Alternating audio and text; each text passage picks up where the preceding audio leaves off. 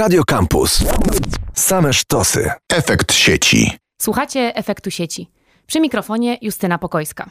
Nie wiem, czy Państwo wiedzą, ale w Polsce powstaje rocznie prawie 30 tysięcy nowych aktów prawnych, 30 tysięcy stron nowych aktów prawnych, a mówię tylko o aktach najwyższej rangi, czyli ustawach i rozporządzeniach.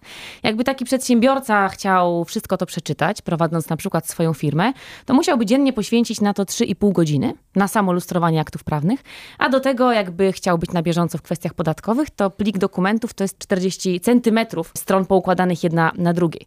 No i tak wygląda nasze prawodawstwo. Natomiast w interesie prawodawcy, ale też i nas samych jest to, żeby optymalizować jednak tę liczbę aktów prawnych, ale też, żeby optymalizować ich treść. I na przykład pożyczać z jednego aktu prawnego do drugiego i kopiować pewne fragmenty. Studenci nie słuchają, ale wykorzystywać te fragmenty ponownie. I właśnie o tym, jak powstają akty prawne w handlu międzynarodowym, w handlu, który reguluje przepływ towarów i dóbr elektronicznych, porozmawiam dzisiaj z naszymi znakomitymi gośćmi, a są nimi pani profesor Magdalena Słok-Wódkowska z Wydziału Prawa i Administracji UW. Cześć Magdo. Cześć. I magister Łukasz Nawaro, doktorant na Wydziale Nauk Ekonomicznych, analityk Delabu. Cześć Łukaszu. Cześć Justyna. Przyglądacie się aktom prawnym? Magda, ty masz wszystko w głowie, cały korpus danych masz na pewno w głowie, ale wy porównujecie te kawałki, które są wspólne dla umów międzynarodowych, handlowych umów międzynarodowych. Co w tym jest takiego wow? Bo czytałam wasze teksty i tam była taka informacja, że już w XVIII wieku były traktaty, które były jakby kopiowane jeden z drugiego i wspólne części w umowach pomiędzy Stanami Zjednoczonymi a Francją były wykorzystywane później.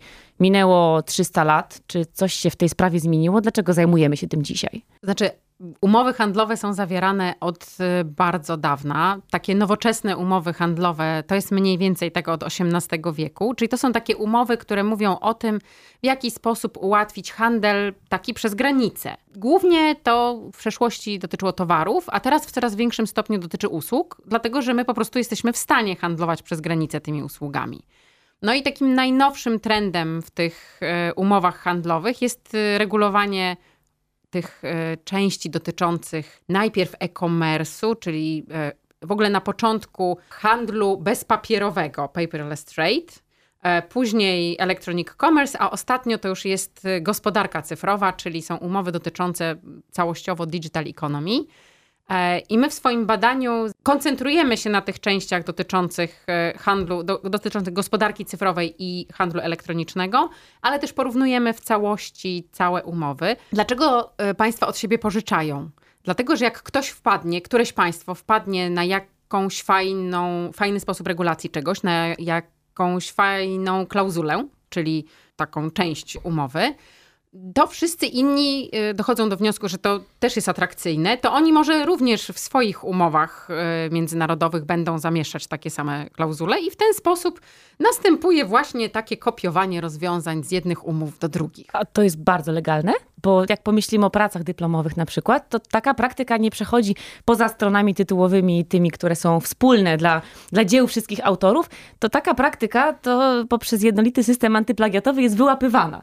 Czy wy zajęliście, mm, zajęliście się y, systemem antyplagiatowym aktów prawnych, czy tam to jest zupełnie dopuszczalne? Y, trochę tak to wygląda, ale tam to jest dopuszczalne. Chyba y, tutaj odezwie się we mnie prawnik. Chyba dlatego, że te kawałki umów są wymyślane przez państwa, a one nie mają y, praw autorskich, bo to nie osoby fizyczne, y, tylko po prostu państwa wprowadzają. Ale też y, praktyka jest taka, że najczęściej jakieś państwo wymyśla coś, później stosuje to w swoich umowach handlowych, a dopiero dalej to jakoś jest kopiowane. I to jest ta część, którą się głównie Łukasz w naszym. Tak, ale jeszcze jedno pytanie do ciebie. Jak mówisz o tym jakimś państwie, które to wymyśla, nie wytrzymam z ciekawości. Czy jest jakieś jedno państwo, które raczej częściej wymyśla niż inne, takie, które jest na przykład protoplastą takich zapisów i zbadaliście już, że wiadomo, kto raczej tworzy, a kto raczej zapożycza? I czy możecie zdradzić, e, które państwo, czy która organizacja jest tym właśnie pierwszym autorem? Rule, tak. rule maker, jak wy to nazywacie w swoim artykule. Tak.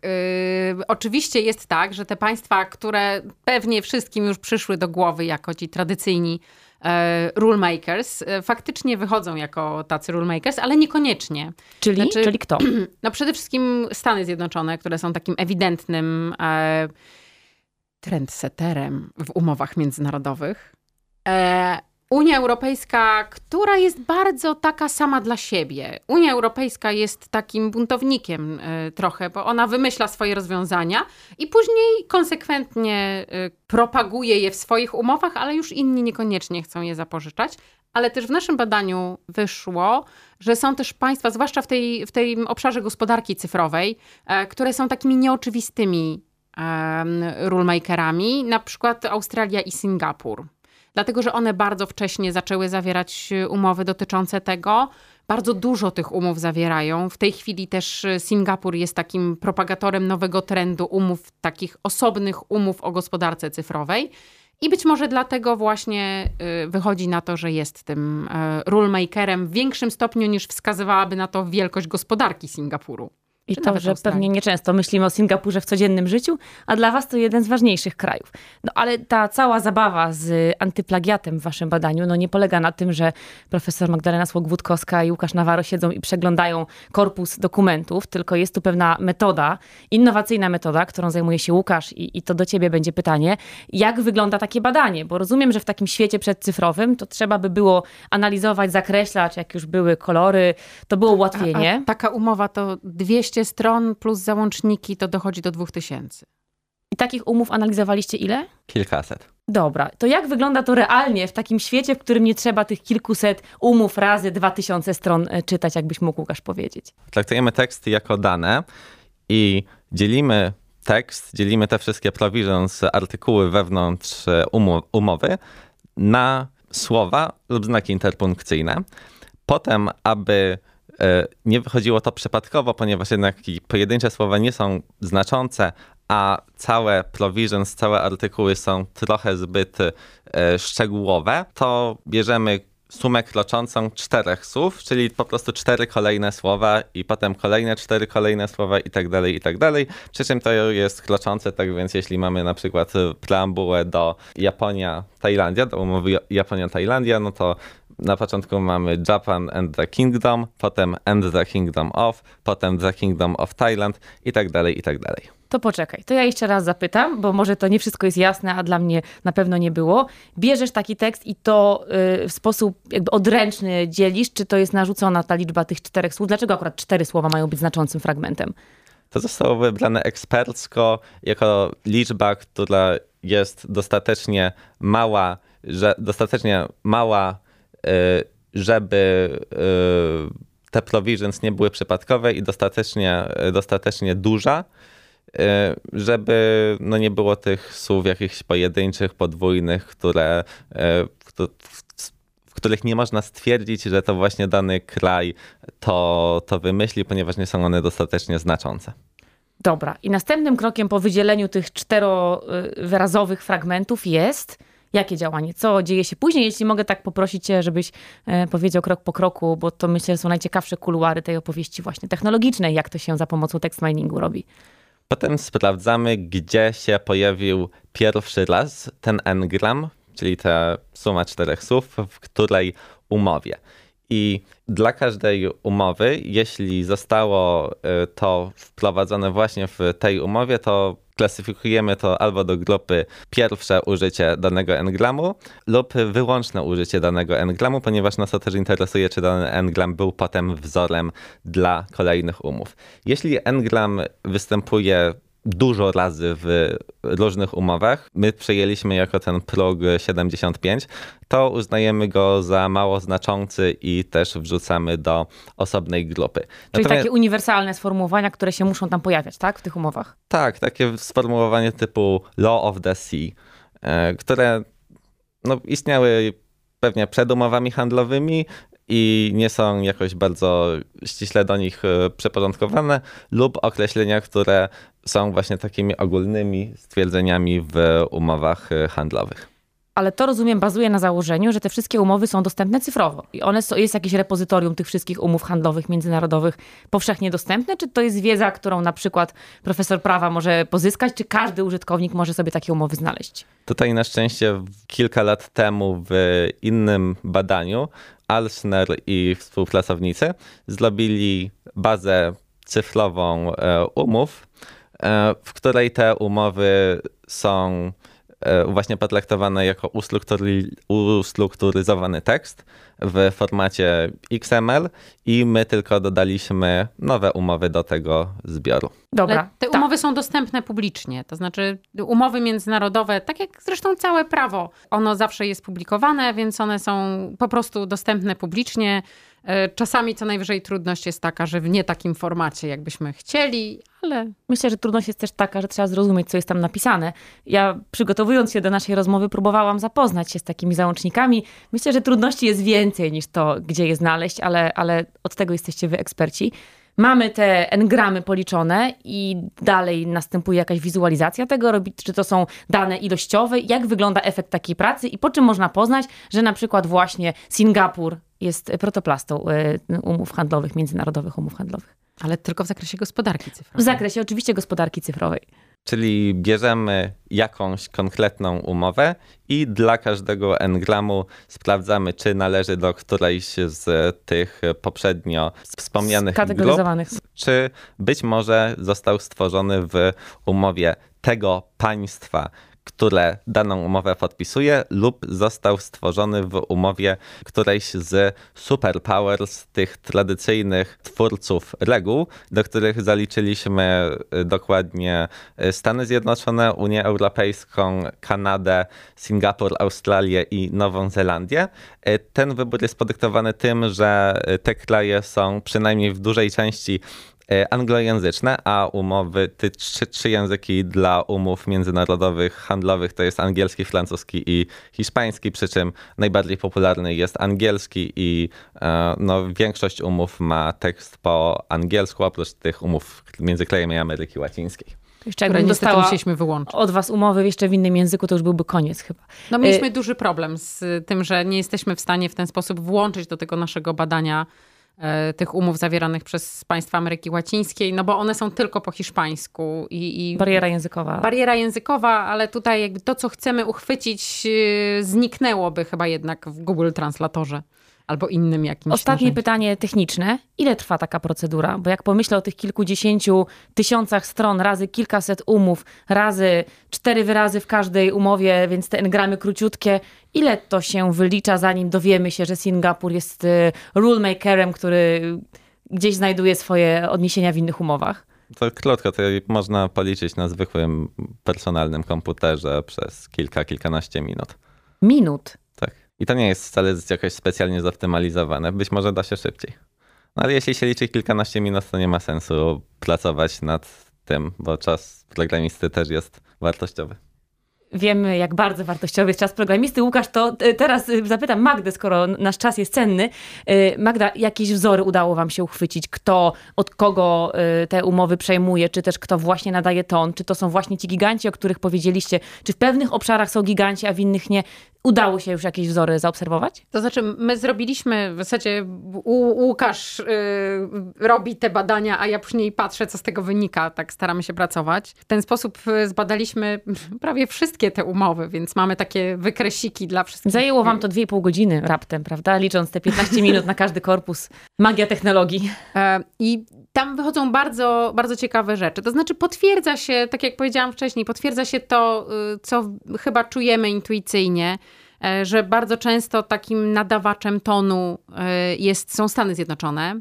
Unia Europejska ma bardzo dużo umów podobnych do siebie. I powiem szczerze, że to na przykład doskonale potwierdza to, co ja wiedziałam z takich tradycyjnych badań dotyczących umów handlowych Unii Europejskiej, które robię od lat, że Unia po prostu kopiuje, ale Unia też y, zmienia troszeczkę te umowy. I na przykład pod tym względem bardzo ciekawą umową jest y, umowa z, z Wielką Brytanią, dlatego że to jest z perspektywy także Unii Europejskiej bardzo oryginalna umowa. Ta umowa ma ogromny procent y, tych y, tak zwanych only occurrence, czyli tych jedynych przypadków Unikatowych. Mhm. unikatowych y, engramów, zwłaszcza w tym zakresie gospodarki cyfrowej. I to jest też potwierdzane w takich badaniach tradycyjnych, czyli jak ja na przykład mm, biorę i porównuję poszczególne artykuły na jakiś temat, to te umowy y, unijne odstają od umów y, Stanów Zjednoczonych czy Australii. na, natomiast y, tu, tutaj też są nowe elementy uregulowane. Bardzo ciekawe rzeczy nam wyszły w momencie, kiedy po, zaczęliśmy analizować umowy te najnowsze Stanów Zjednoczonych dotyczące gospodarki cyfrowej. Dlatego, że na przykład mimo, że Stany Zjednoczone nie są członkiem nowego partnerstwa transpacyficznego, takiej bardzo dużej umowy, bo się z niej wycofały, to widać, jak bardzo duży miały wpływ na negocjacje i jak bardzo w sumie to jest ich umowa, dlatego że później na przykład w momencie, kiedy e, Stany negocjowały swoją umowę z Meksykiem i Kanadą, to y, ponad 10% y, engramów y, został zaczerpnięty właśnie z TPP, czyli tej, tego partnerstwa transpacyficznego. Jeszcze większy procent jest przy umowie między Stanami Zjednoczonymi i Japonią, gdzie w sumie jak weźmiemy partnerstwo transpacyficzne i właśnie tą umowę z Me Meksykiem i Kanadą, to to jest prawie 30%. Mówisz tak, jakby było w dobrym tonie być tym, który y, y, ma wiele oryginalnych fragmentów. Czy to o to chodzi? Wybacz pytanie laika, y, no bo zazwyczaj tak. jak się pisze pracę, chodzi o to, żeby ona była unikatowa. A tutaj szczytne pisze... jest, żeby prawo było innowacyjne, czy żeby właśnie było dobrze ugruntowane na podstawie innych praw, bo to znaczy, też by było do przemyślenia. Pod tym względem bardzo ciekawe jest badanie gospodarki cyfrowej, dlatego że to jest taki obszar, e, który się kształtuje. To znaczy, my dla porównania zbadaliśmy także takie bardzo tradycyjne y, kwestie, które są regulowane w umowach handlowych, typu na przykład y, środki sanitarne i fitosanitarne, czyli jakie kontrole na granicy, zanim jabłuszka. I to jest też w umowach napisane? To też jest w umowach, tych, w, tych, w tych umowach napisane. I tam też wychodziła na przykład bardzo istotna rola Stanów Zjednoczonych. Y, to, że Unia Europejska jest tym rulemakerem sama dla siebie i niekoniecznie dla, y, dla kogoś więcej. Ale to badanie tych umów, tych, tych części handlowych jest o tyle ciekawe, że to jest coś, co się kształtuje na naszych oczach. Też sprawdzaliśmy, że te umowy się, te, te części, te rozdziały się bardzo wydłużają z czasem. Czyli cały czas są dodawane nowe rzeczy, czyli to jest ten moment, kiedy faktycznie można coś innowacyjnego zaproponować. Ale z drugiej strony w tych umowach handlowych wcale nie chodzi y, o to, o co chodzi w pracach magisterskich, czyli żeby być oryginalnym i regulować coś inaczej niż wszyscy. Bo akurat tutaj, im większa jest ta konwergencja umów międzynarodowych, tym większa szansa na zbudowanie pewnego międzynarodowego standardu regulacyjnego i na to, że wszyscy będziemy stali na tym samym poziomie. I w momencie, kiedy mamy już nawet rozpoczęte takie negocjacje w ramach Światowej Organizacji Handlu, to że dojdziemy do jakiegoś konsensusu jako świat i będziemy mieli reguły, które będą dla wszystkich, a nie inne dla Unii Europejskiej, czyli takie na przykład Stany Zjednoczone inaczej handlują z Japonią, a trochę inaczej y, z Meksykiem i Kanadą, a Unia Europejska z Wielką Brytanią zupełnie inaczej, a jak Wielka Brytania przystąpi do partnerstwa transpacyficznego, to nagle znajdzie się w zupełnie innym innym z punktu widzenia kupującego czy handlującego przedsiębiorcy byłoby dobrze, żeby wszyscy handlowali tak samo, a przejrzystość nie była na 40 centymetrach dokumentów. Tak. A czy zaobserwowaliście to, pytanie do ciebie Łukasz, jakieś prawidłowości na przykład w związku ze zmianami politycznymi, czy Brexit albo inne takie wydarzenia, które obserwujemy no, dookoła nas, niekoniecznie w samych umowach handlowych, znajdują swoje odzwierciedlenie właśnie w takich zapisach? Czy teraz na Unię obraziły się inne kraje, albo Unia na inne e, kraje, albo Wielka Brytania na Unię? Jak wyglądają takie zapisy tutaj? Wielka Brytania po wyjściu z Unii chciała tworzyć swoje własne umowy handlowe. I moglibyśmy to sprawdzić oczywiście, natomiast w większości umów sama Wielka Brytania nam pomogła, bo umowy wyglądają tak, że w sumie wszystko jest tak jak w umowie Unii Europejskiej z, z danym krajem, zmieniamy tam kilka e, akapitów, no więc wiadomo, że jest dokładnie tak samo. Są pewne wyjątki, i wyjątkiem jest na przykład umowa z Japonią, Wielkiej Brytanii z Japonią. Niewiele wcześniej została podpisana umowa Unii Europejskiej z Japonią.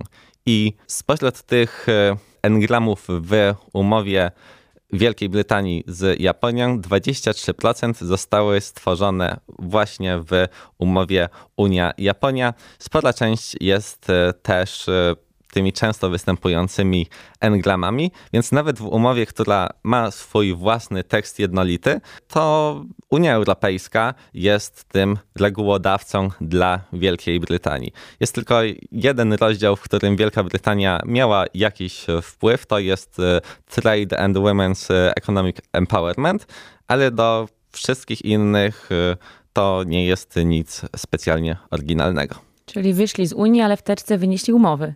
Y, Trochę tak. Jakie są kolejne kroki waszych działań badawczych? Bo to już wiecie, zdiagnozowaliście. Czy, czy z tą wiedzą coś można jeszcze badawczo zrobić? Z taką diagnozą tych procentów zapożyczeń? Czy, czy to może mieć przełożenie na jakieś kolejne działania, projekty badawcze? Nasze dalsze kroki zakładają sprawdzenie, jak to wygląda z wektoryzacją tekstów e, prawniczych. Niestety, Co znaczy po polsku?